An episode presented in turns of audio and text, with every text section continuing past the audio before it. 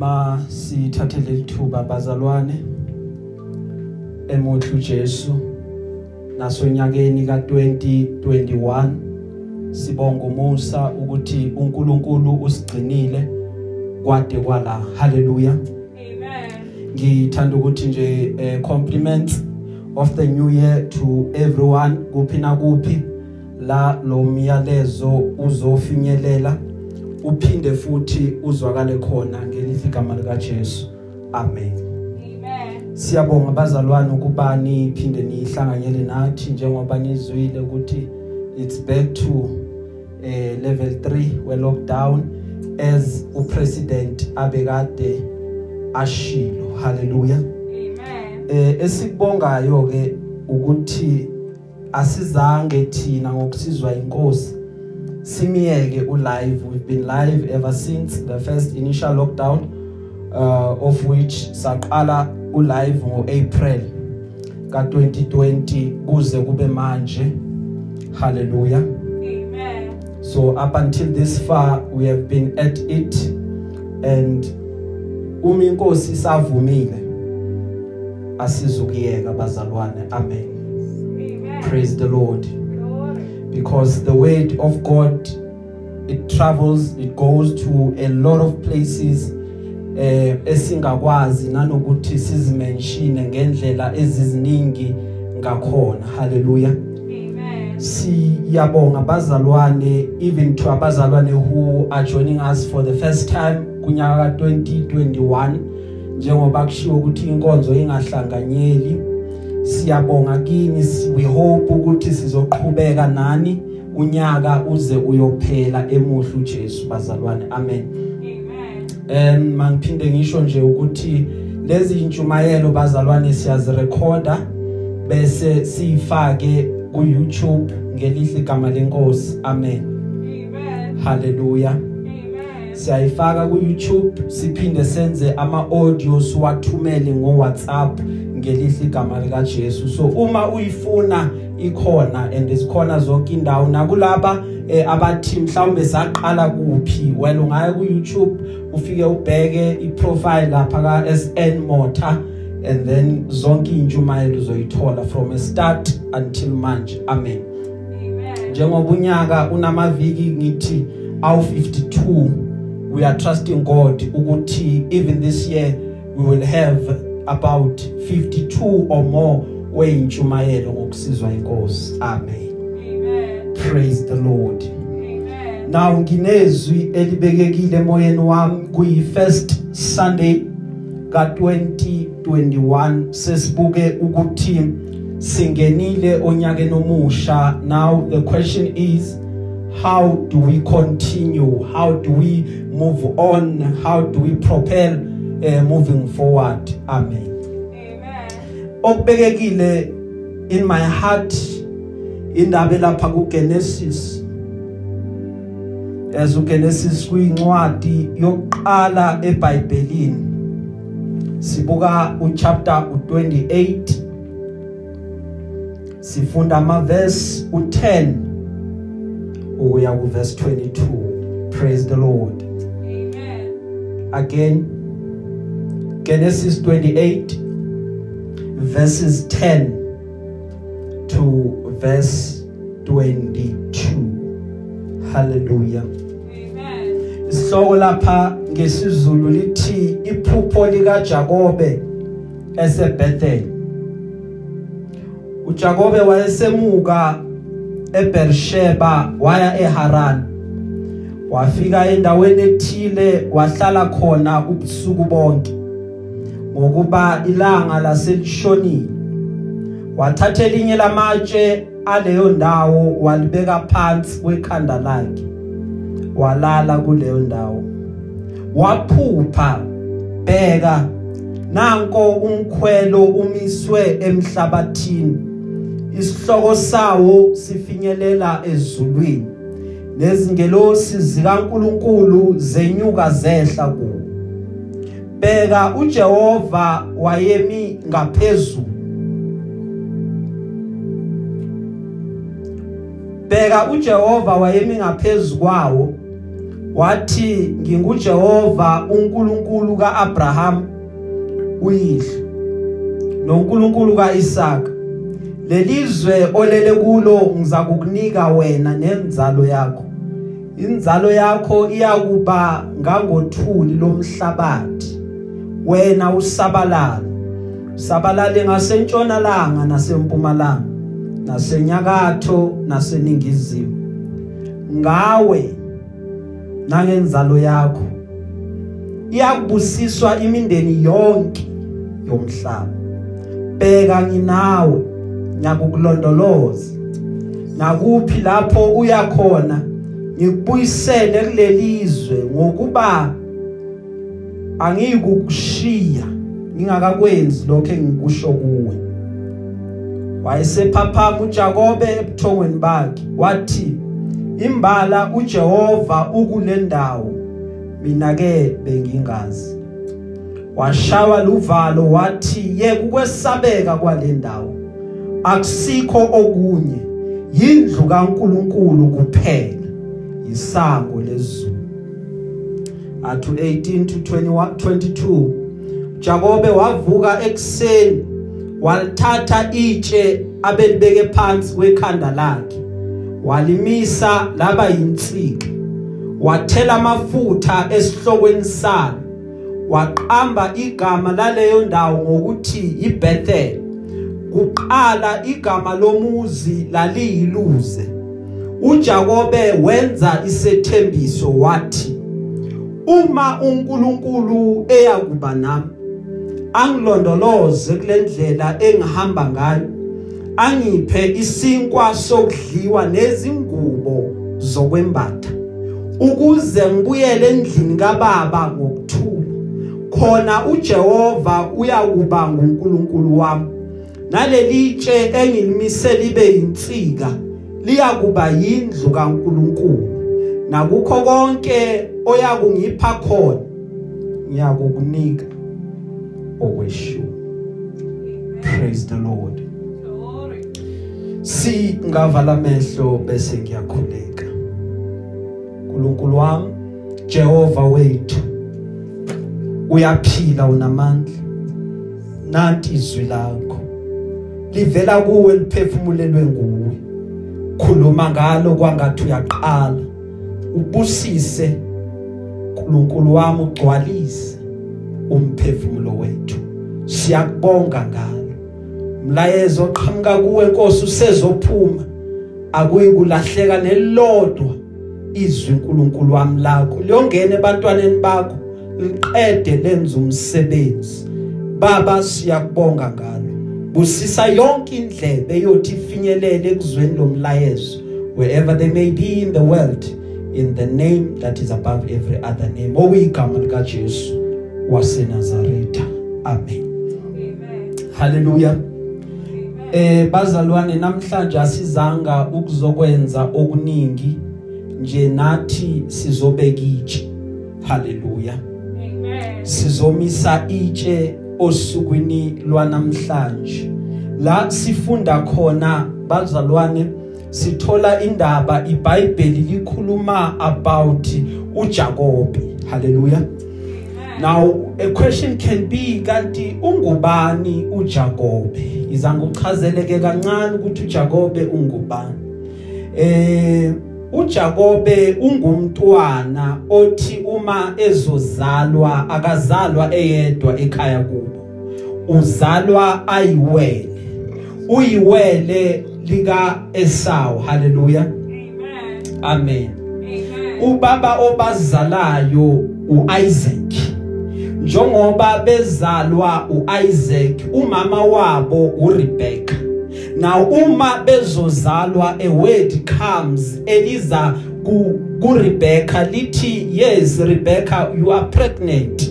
Kodwa naku ke okuzokwenzeka lapho kuwe ukhulelwe izizwe ezimbili kukhona isizwe esidala at the same time kukhona isizwe esincane njengokuhlukana kwabantwana bakho.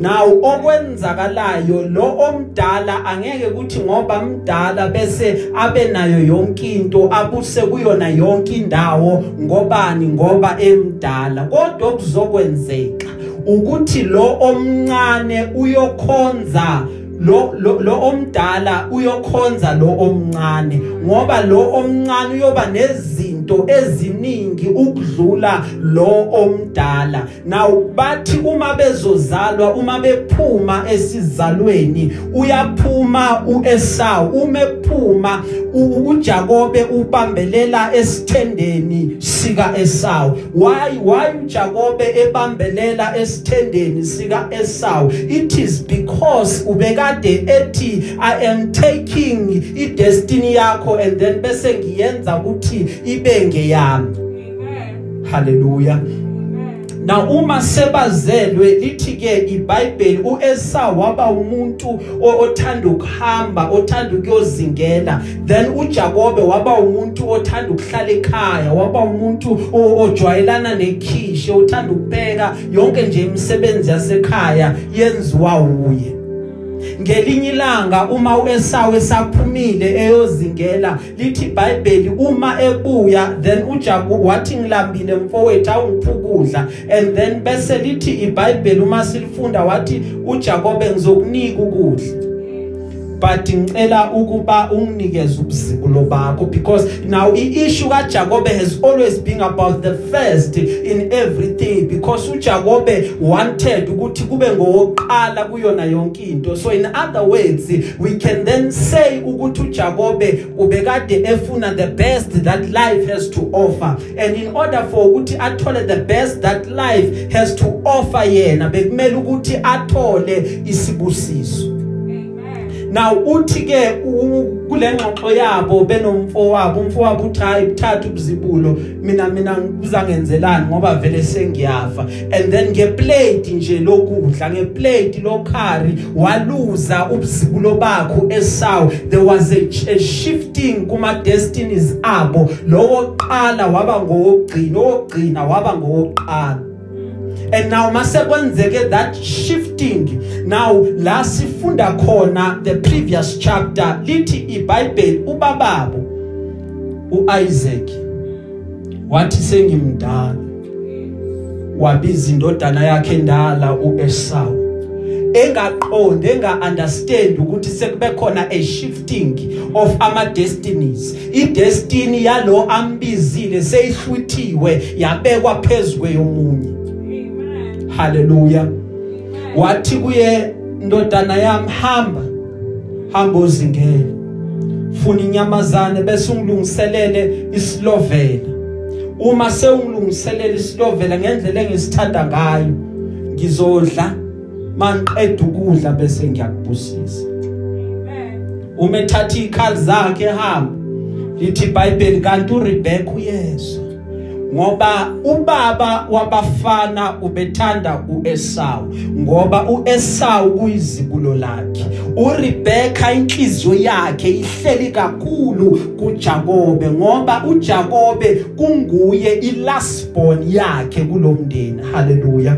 Now kanti uRebecca uyezwa lithi iBhayibheli uma ephuma uEsau wabiza u- uJakob wathi Jakob hamba lapha esibayeni thatha imbuzi ezimbili. Uyilethe la siyayihlaba senzele ubabakho ukudla. Simenzela ngendlela athanda ngayo ngoba ngizwe kuphuma izwi elithi uyobusisa umfowenu. So ngifuna ukuba isibusiso somfowenu siwele phezukwakho singasayi kuye Amen. wathi umephendula uJakobe wathi mama ngiyakuzwa uthini but sinenkinga. Inkinga yethu ukuthi umfowethu unoboya. Ubaba hleze amthinte ezwe ukuthi mina angifani nomfowethu ngoba mina uboya anginabo. Bese sikhundleni sokuthi angibusise bese angiqalekise. Sizwa uRebecca athi ungakhathazeki indodana yami ngoba isiqalekiso leso siyoba sekhanda lami. Asiyukwela phezukwakho uma sebayihlabile imbuzi wathatha isikhumba sembuzi wamgcokisa. Wathi hamba umikusela ubaba ukudla. Umehamba engena wathi baba semkho yimi indodana yakho kathi ungubani kusho ubaba. Wathi indodana yakho esawu. Wathi sondela nguthinte indodana. Uma indodana isondela athi ubaba izwi elika Jacob kodwa izandla ez ezika Esau praise the lord. Glory. then ubaba wakhipha isibusiso. Wathi indodana yami abafowenu bonke abakukhonza wena ungobusisiweyo phezulu kwabafowenu. Uma sekakhipha isibusiso wasamkela waphuma wahamba. Uma umfowabo omdala engena athi baba naku ukudla sengikulungisele athi hawo ndodana yami ngubani wena? Athi baba yimi izibulo lakho esawu athi awawusuke kanti la. Athi lutho baba bengisayozingena athi kwenzakaleni ngoba siyazi la ekhaya siyi4 kuphela abazali and two sons. Athi kusho ukuthi umfowethu phindile ngoba igama lakhe lithi Jacob lisho ukuthi umkhohlisi. So umfowethu uphinde wangikhohlisa wazothatha isibusiso akaqali ngokuthatha isibusiso.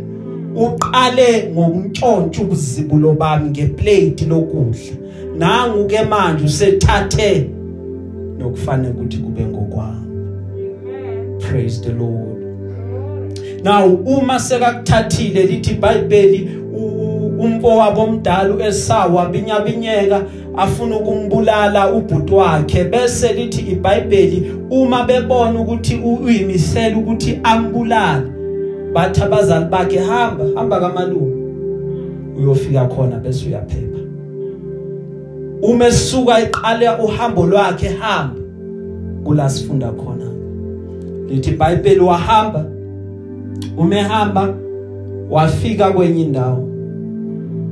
Uma efika kuleyo ndawo uyabona ukuthi ilanga selishonile.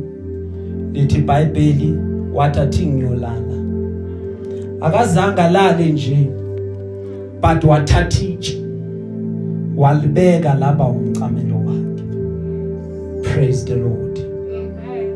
hallelujah Amen. uma uJakobe ebeka itshe ubekade eyitshela ukuthi this is the same thing as every time. Beyanganankinga naloko bekacabanga ukuthi kuyafana nje ngizoyilalela kungabi nalutho. Kanti ukubeka kwakhe itshe ukuthi alale phezkwalo lelo litshe liyokwenza ukuthi kuqalele abe neencounter naye noNkulunkulu ezokwenza ukuba uNkulunkulu azozethula kuye ukuthi unguNkulunkulu kabani nobani ukuze naye azoba uNkulunkulu wakhe ngoba unguNkulunkulu ohamba ngama generation unguNkulunkulu who is a generational god because a generation yabantu abadala ubekade khona a generation yesizukulwane esiphakathi nendawo ukhona even kusizukulwane esisha nesiseza uyakuba nguJehova waso because he will identify abantu bese aba nguNkulunkulu wabo. So lokho ukubeka kwakhe itshalale kuqala kwenzeka ukuvuleka kwamehlo. Ukuthi nangu Jehova. Jehova uyakudinga ukuthi abe uNkulunkulu wakho. Praise the lord. Amen. hleze u2020 akubanga unyaka omuhle. Sibaningi siyakhala ngezinto ezenzekile. Sibaningi siquestion a lot of things ngendlela ezenzeke ngakhona sibaningi sinembuzo kungani kwenzeke ngalendlela praise the lord Amen. sibaningi as much as singena into uncharted or untried waters we have that thing yokuthi kaze kuzoba njani Amen. kaze kuzokwenzakalani hallelujah Amen. And most people don't even want to say ukuthi lo unyaka wami wezinto ezinhle because abantu have reached that point yokuthi hleze kubhede Yes. sekuze kungcono ke lapha sebabuyele kulokuthi uma inkosi ithandile kuyokwenzeka. Praise the lord. Ngoba ingazuthi besiphile isikhathi eside sakhohle ukuthi asiyiphileli thina kodwa siphila nje emseni. Uma inkosi ivumile then kuyokwenzeka so now we are only depending on that ukuthi inkosi uma wena kukuhle kuwe Amen. praise the lord Glory. amen Amen. now uma uNkulunkulu efika kuyo uJakobe uthi mina Jakobe nginguNkulunkulu Yes. praise the lord Amen. ayeqale ngokuthi uJakobe ubonani why alele uJakobe uba nesibonakalisa sibonayo ubona ngazuthi kuyavuleka ephezulu emkhathini umebona kuvuleka phezulu emkhathini ubona kwehla istebhisi a stairway uyasibona le stebhisi sinde siba like a, connection between umhlaba nokuphakama noma umhlaba nezulu. Uma ebona lesi stebhisi ubona ukukhanya okukhulu. Uma ebona lokho kukhanya bese ubona ingelosi zakaNkuluNkulu ziyehla ziyenyuka kuleso stebhisi uma ebhekisisa kahle uma ebuka phezulu ubona uNkulunkulu umile lapha phezulu bese uyaqala uyakhuluma uNkulunkulu. Kanti ubani lesi stebhisi angithi uma silifunda iBhayibheli lithi eqaleni ubekhona ulizwi. Ulizwi wayenguNkulunkulu. Ulizwi wayekuNkulunkulu konke okukhona kwavela ngaye. And then after bese uya transcender he becomes human. After sekabe ulizwi. Hallelujah. Amen. amen Amen. bese uma ethulwa kithi kuthiwa lo uJesu Kristu waseNazaretha but eqaleni ubekhona kuGenesis ubekhona Amen. uthe encwadini kaJohn chapter 1 mina ngiyistebhisi Yes. sezulu Glory. sikaNkuluNkulu so uma uJakobe Yes. ebona istebhisi kuhamba ingelosi bezehamba phezulu kwendodana yomuntu hence abuya aconfirma encwadini kaJohn chapter 1 verse 51 athi mina ngiyistebhisi so wabona izulu lapho uJakobe njengoba linjalo uma sekalibonile then uNkulunkulu uyayithula kuye uthi Jakobe mina ngiuNkulunkulu kaAbraham angithi amazwi Abraham uAbraham umkhulu wakho. Amen. athi okay inkosi ngiyabona ukuthi uNkulunkulu kaAbraham athi yes eh, at the same time phinde ngibe uNkulunkulu kaIsaka ubaba wakho. So Jakobe ngifuna ukuthi ngibe uNkulunkulu wakho as well. Ejana ku generation yakho ngifuna ukuthatha isibusiso lesi engasithembisa uAbraham ngisindlulisele size kuwe so that inzalo yakhe yolingana nesihlabathi inzalo yakhe ingabaleki bese yonke imindeni emhlabeni ibusiswe ngesimanga sakho Jacob if only you let me be your God. Hallelujah. Amen. ungivumele nje ngibe uNkulunkulu wakho. Then konke lokho engikushoyo kuzokwenzeka. Lelizwe libonayo kuyoba izwe lakho. Le ndawo eyibonayo kuyoba indawo yakho. Amen. it is thus my prayer ukuthi kwanga uNkulunkulu angasibusisa with land ku2021 sibe nendawo esiyosho ukuthi lokhu kuyindawo yami inzalo yami yosabalala kule ndawo because i've acquired land. Hallelujah. Singabi ngabantu abakhathalise kuqoqa imaterial engasho lutho imaterial engeke izisize even the next generation that is coming but ifocus yethu ibe seyibusisweni ezinkulu eziyokwenza impact to the next generation so that the next generation does not suffer Amen. praise the lord Glory. uma bezwa behamba bahambe kalula uma bephila baphile ka- ka- kalula Amen. amen Amen.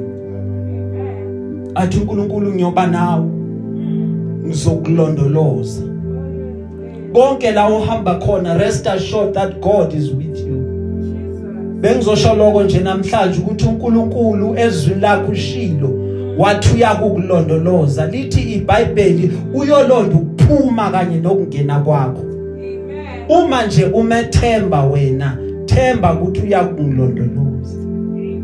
Ngoba bazalwana sihambeli siyahanjiswa konke sikwenzayo kuncike kuye ukuthi uyasigcina yini Amen. praise the lord Glory. uma nje inkosi ingavumanga siyogcineka Amen. amen Amen.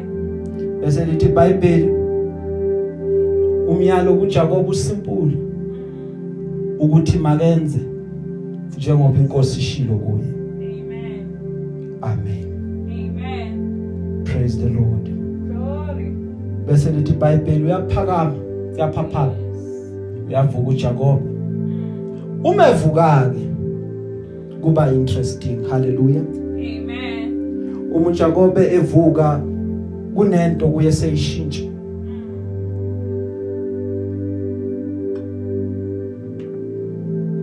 yini eshintshayo? Kushintsha ukuthi ngifike kule ndawo. Bekade ngingazi ukuthi indawo kaNkuluNkulu le. Bekade ngingaboni ukuthi ubukhona benkosi bokule ndawo Now, yes. uma sowubone ubukhona benkosi kukhona ukusaba ukuba khona. Kukhona ukuthuthumela okuba khona. You cannot come into the presence of the Lord ngendlela efanayo bese uhlale unjalo even phakathi.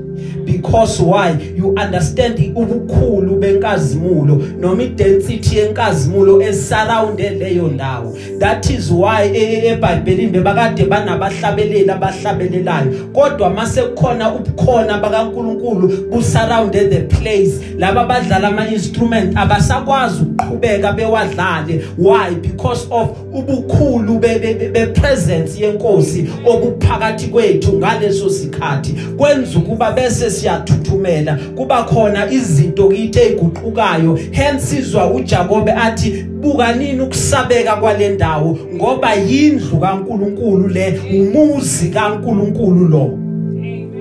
Uma uJesu ekhuluma lithi iBhayibheli uma ekhuluma nalo wesifazane uthi kuye nina umuntu wesifazane nikhuleka kuloko eningakwazi but thina sikhuleka kwesikwaziyo. Isikhathi siyeza futhi sesifikile lapho abakhonza uNkulunkulu baya kumkhonza ngomoya nangeqiniso. Haleluya. Ngoba uNkulunkulu ungumoya udinga baya kumkhonza umoya wabo ube in rightful standing with God. Then they will be able to worship God. Why? Because they know ukuthi we have come to a place whereby we we, we give honor to God whereby we worship God.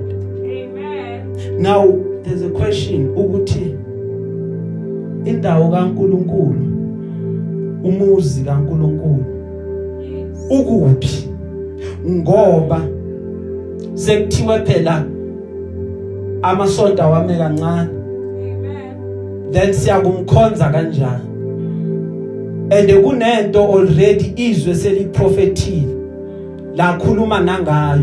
Yes. yabhalwa phansi. Kunomzalwane oyi1 eBhayibhelini. Igama lakhe uDavide. Lithi iBhayibheli uDavide wathi uma esehlale noNkulunkulu wathi Jehova kumnandi ukuhlala nawe kumnandi mangiyithola ngisebukhoneni bakho. uNkulunkulu ngiyajabula. Athi uDavide umekhuluma yazi mina I would rather ngihlale ngaphandle noma sebangasangivumelanga ngaphakathi ukuba ngingene but ngihlale ngaphandle eminyango wethempeli lakaNkulunkulu wami. Kunokuba ngiyothokoza endaweni yabantu ababi. Wathi njengoba kumnandi kangaka athi imihla yami yonke yokuphila ngiyakutholakala endlini kaJehova. Athi kumnandi ukuhlala kuwe Jehova. Manje ngicela ukwenza into eyodwa uNkulunkulu angicela ukwakhela indawo. Cela ukwakhela indlu Jehova la uzohlala khona. Ngizothi mangifika mangena ngikubone uNkulunkulu ngithi sengifikile emagcekeni akho Jehova. Kumnandi kuba sebukhoneni bakho. Angithi uyena lo othi ngajabula lapho bethi kimi siye endlini kaJehova. Oh, yes. Oh, yes. athi inyawo zethu seyisemasangweni akho. But wathi uNkulunkulu umemphendula David izulu kula kunesihlalo sami umhlaba ngibeka inyawo zami ngangikhona ekuqaleni. Yonke into oyibonayo yenziwe yimi. Can you be able to top that? Because lendle ufuna ukuya ngingakhela yona. Iyoba incane nje ukuthi ngacontainer yonke inkazimulo ya Jesus. my David aw- akume kancane uqhubeke nje ukhonze Jesus. qhubeka nje ukhonze David eqhubeka sawubona awume kancane waqhubeka uDavid ekuphileni kwakhe he couldn't build God a house Amen. bese lithi iBhayibheli his son wafika Solomon Jesus. wamakhela uJehova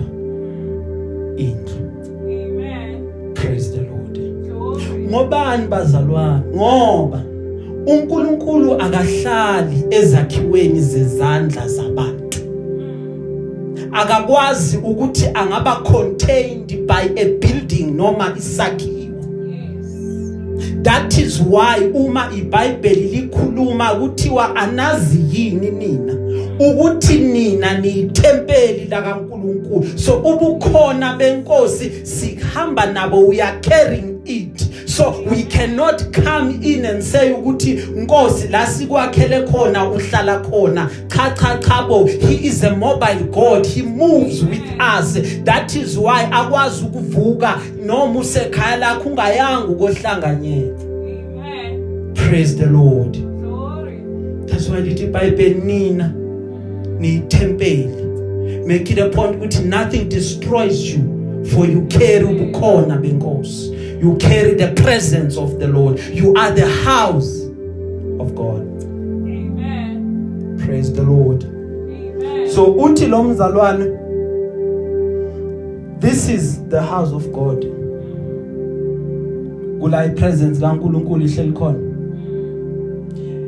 And then meqeda ukusho kanjalo uthatha itshe lele bekade alele kulo uyalithatha. Uyalimisa Amen. praise the lord Glory. uma eqeda ukulimisa ubese ulithela ngamafutha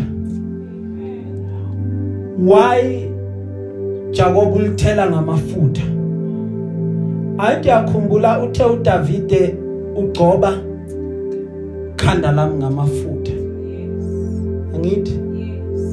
why Jakobe uthela amafutha. Uthela amafutha ngoba it's a sign yokuthi leli litshe it's set apart. Noma lihlukaniselwe ukuba likhonze uNkulunkulu yindawo la ngizokhonza khona uNkulunkulu uma sengifika ngibona lawa amafutha aqhubeka ehla phezukwaleli litshe ngizokhumbula ukuthi lebe kuyindawo vele kakade misela ukuba ikhonze uNkulunkulu that is why athu David ugcoba ikhanda lami ngamafutha because I am anointed to praise the Lord to worship ubaba uNkulunkulu ngoba ekhanda lami kunamafutha Yes. Amen.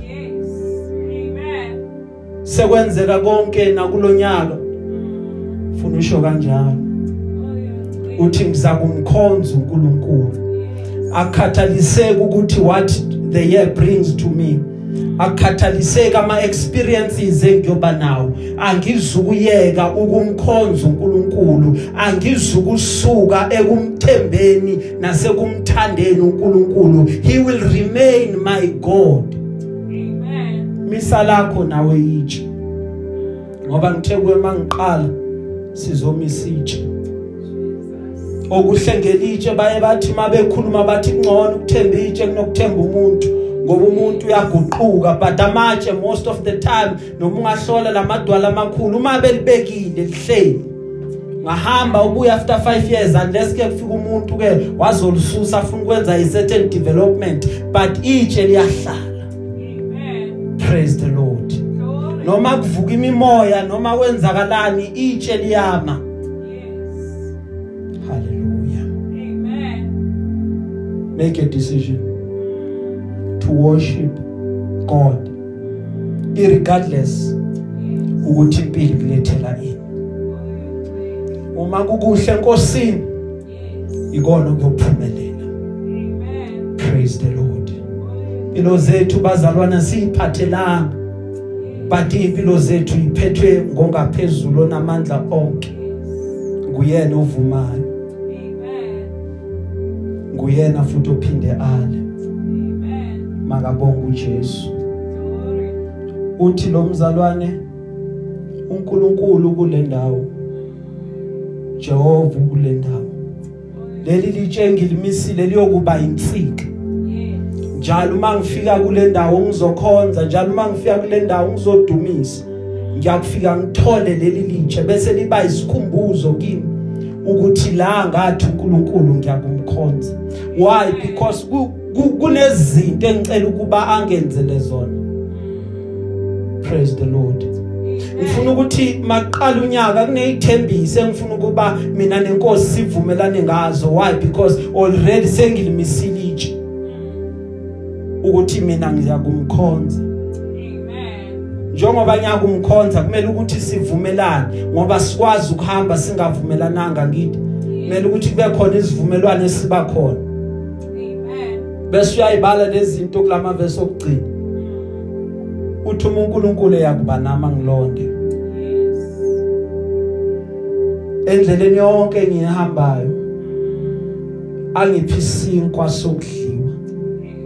Aphinda angiphi ingubo zokwembatha uma uNkulunkulu eyakuhamba nami because there's nothing as important as that the basic needs God I, I don't pray for much manje ngithole isinkwa semihla ngemihla ngaba nezingubo engiyakuyimbatha Yes. that is sufficient for me Amen. God if you can only provide for my needs Yes. then endleleni siyoqhubeka kahle ngoba ukuswela kweprovision kuyabenza abantu kuba baflathele uNkulunkulu. Athi obhala incwadi yezakha uNkulunkulu ngicela ukuba do not give me poverty or riches because once ngaceba kakhulu kuyoba nenkinga. Because ngiyakukhohlwa ukuthi uNkulunkulu ungubani kimi. I-focus yami yohlala kule ngcebe enginayo. And once nga ngaswela once ngahlupheka kakhulu again inkosi ngiyohamba ngiyotshontsha Amen. bese igama lakho liyangcola. Yes. Nkosi ngicela ukuthi ungiphe okwanele. Give me enough so that my daily needs are taken care of. Uma ngibuka ngingaboni any lack ngingaboni la ngiswele khona but ngibone Jehova unginakekela. Amen. athi uJesu mekhuluma encwadini kaMateyu nina ningakhathazeki. Ngokuthi niyodlani niyombathana. Inyoni zezulu ayitshali ayivuni but uNkulunkulu uyayibonelela. Yathi enyinceke ishumayela yathi uNkulunkulu once inyoni zezulu ziloku ihamba idumisa zithi bayede umuhle ulungile uthembekile uNkulunkulu uthatha imali. Ayifake e- e- emaphaketheni omuntu.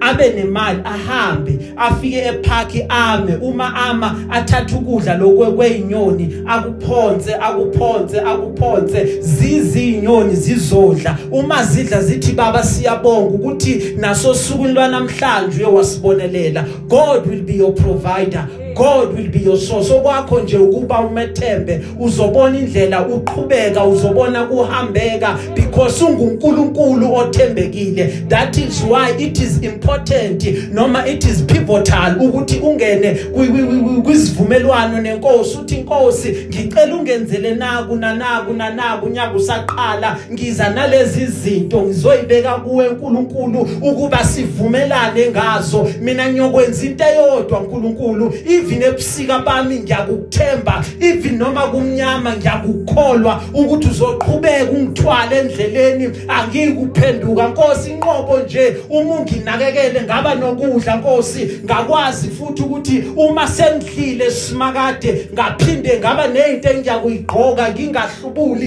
phambi kwabantu God that is enough for me. God is enough. Because I will know ukuthi your provision is there Yes. your provision inkosi wena uyanakekela Amen. wena Jehova uyabonelela uNkulunkulu uyabonelela that is why we have to take him at his word elithe izwi lakhe akazi ukushiya akazi ukusiyekelela Amen. makabonge uJesu Amen. athi uma ekhuluma lo mzalwane verse 21 kuze ngibuyele endlini kaBaba ngokuthula Yes. khona uJehova uyakuba uNkulunkulu wami Amen.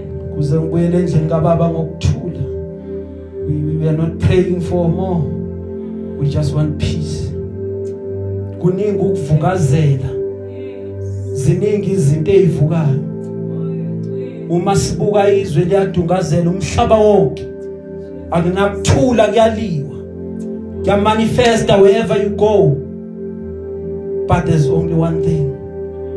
Lord grant us your peace. Uma siphumile sahamba Nkosi. Saya lapha nalapha kuyokwenza zonke izinto ezidingekayo zosuku. Sicela into eyodwa. Uma sesibuyele ekhaya sibuyele ngokuthula. Amen. at the end of the day let there be peace in us. Ngiyacela ke ungavumeli abantu abangenako ukuthula benza ukuba uxokozele empilweni yakho. Ungathathi inkinga nezinkathazo zabo. Abazoyizama bazozenza iburden bese wena ufuna ukuthi uyithwale. Ugcine kwasa nawe ungenakuthula. Amen. cela uNkulunkulu akusize. Father give me peace. Sekwenzeka konke Nkosi. Ngingatatazeli. Help me dear lord praise the lord Amen. amen bazalwane Amen. ivesi lokugcina uthi lo mzalwane uma ekhuluma naleli tshe engilimisile Yes. liyakuba insika Amen. libe yindlu kaNkuluNkulu Amen. nakukho konke oyangipha khona Yeah. ngiyakukunika okweshumi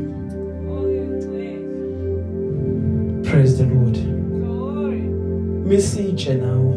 Yes. lelo litshe kuyakuba iBethel lakho. Oh, yes. kube yindlu kaNkuluNkulu wakho. La uyakukhonza khona udumise khona.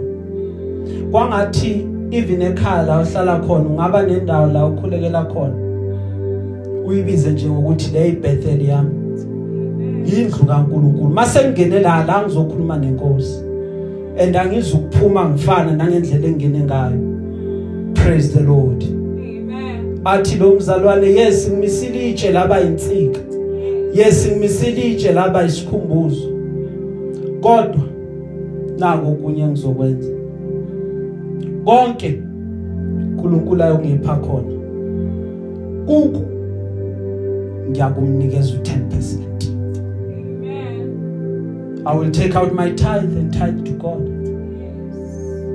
Because why? It is i tithe is by i revelation esiyitholayo. Ukungatithe kwakho nguwena onganaso isambulo kuphela. And i tithe yakho ka 10% inci incike ekutheni wena umusa owambulelwe wona wambulelwe kangakanani? Praise the lord. Amen. sibayeke laba bangathathi nabapolo nabapolitikayo. Sikhulume nalaba abangena kwisivumelwano nenkosi. Amen. ukuthi inkosi uma uza kuhamba nami ube nami endleleni yonke. Unginakekele ngibe nokudla ngibe nezimbatho ngiphile ngibe healthy ngingaguli simakade. Ek- ekuphumeni kwami konke ekuzameni emizameni yami yonke ngiyoyenza ngizawubuya uNkulunkulu ngikuphathele u10% wakho. Ngizothi Jehova ngiyabonga. Ngoba uma ukhipha umnikelo loyo usuke uthi ngiyavuma i acknowledge ukuthi konke kuqhamuka enkosini now sengithatha lo mnikelo as a way of giving thanks and i give it back to God to say baba ngiyabonga uye wahamba nami endleleni yonke Amen. khetha kahle Glory. babili abantu Yes. lithi iBhayibheli uma likhuluma uJesu wafika ekhaya labo. Uma efika ekhaya labo uMartha wababhiza emabhodweni. But uMaria wayohlala einyaweni Amen. uMartha wakhathazeka wathi inkosi awungikhuzi ngani usisi wami?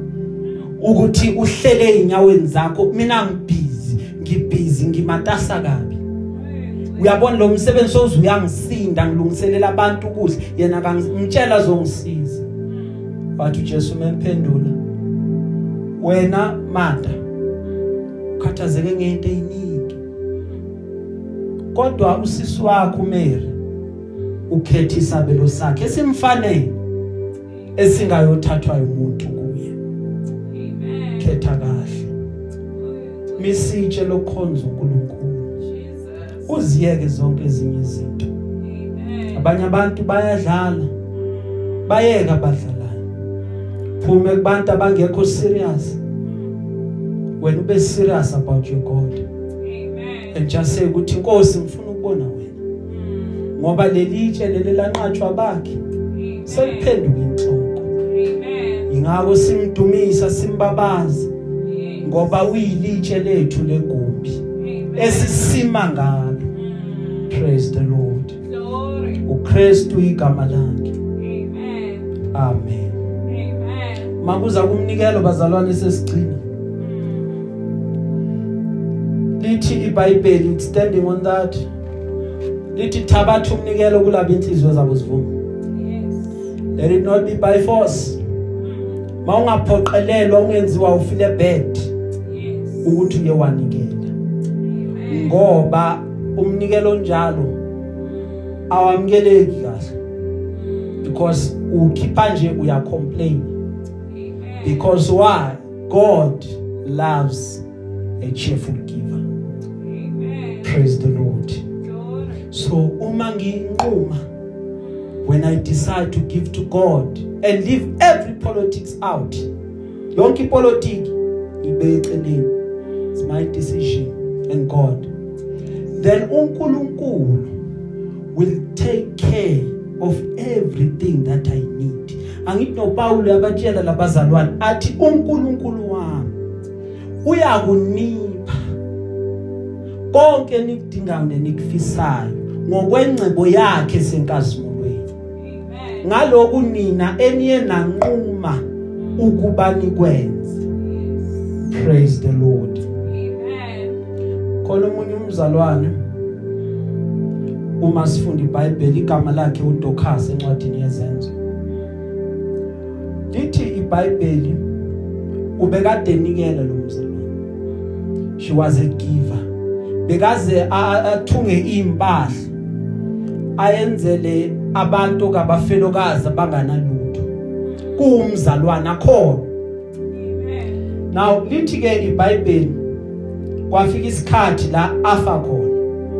Uma efa khona yonke indawo idorobha langakibo lakhala kakhulu. Amen. Ukuthi selilahlekele Yes. praise the lord. Amen. now khona umzalwane owafika igama lakhe uPeter. Omunye wabafundi.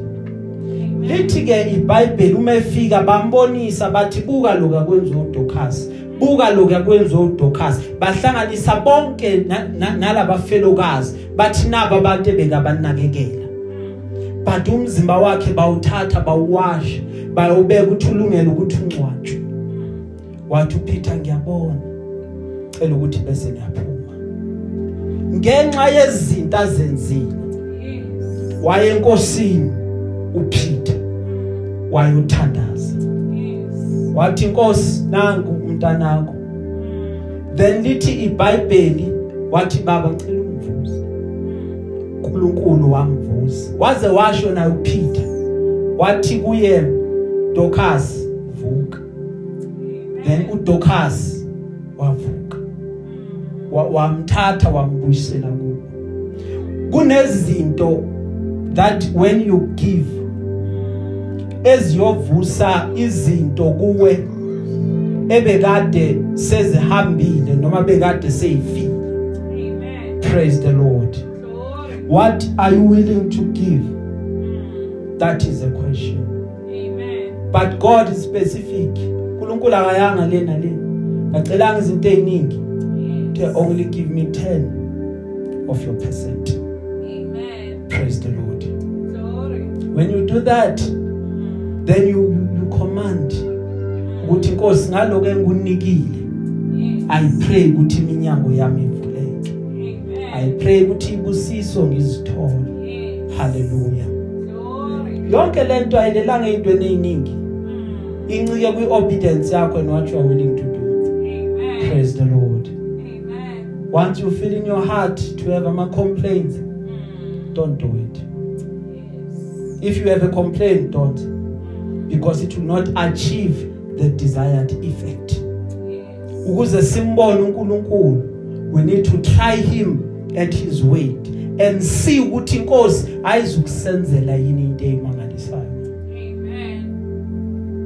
Ngelinye ilanga sengigcina inkosi ikhuluma noEli noElijah. Ithi hamba endaweni yase Zarfata Yes. mawufika khona ngiyalelile lapho.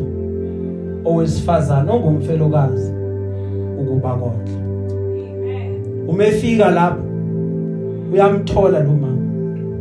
Umemthola umthola utheza izinkuni umetheza izinkuni uthi kuye ngicela ungipha amanzi because sekam identify uthi ngicela ungipha amanzi uyahamba lo mama uyolanda amanzi.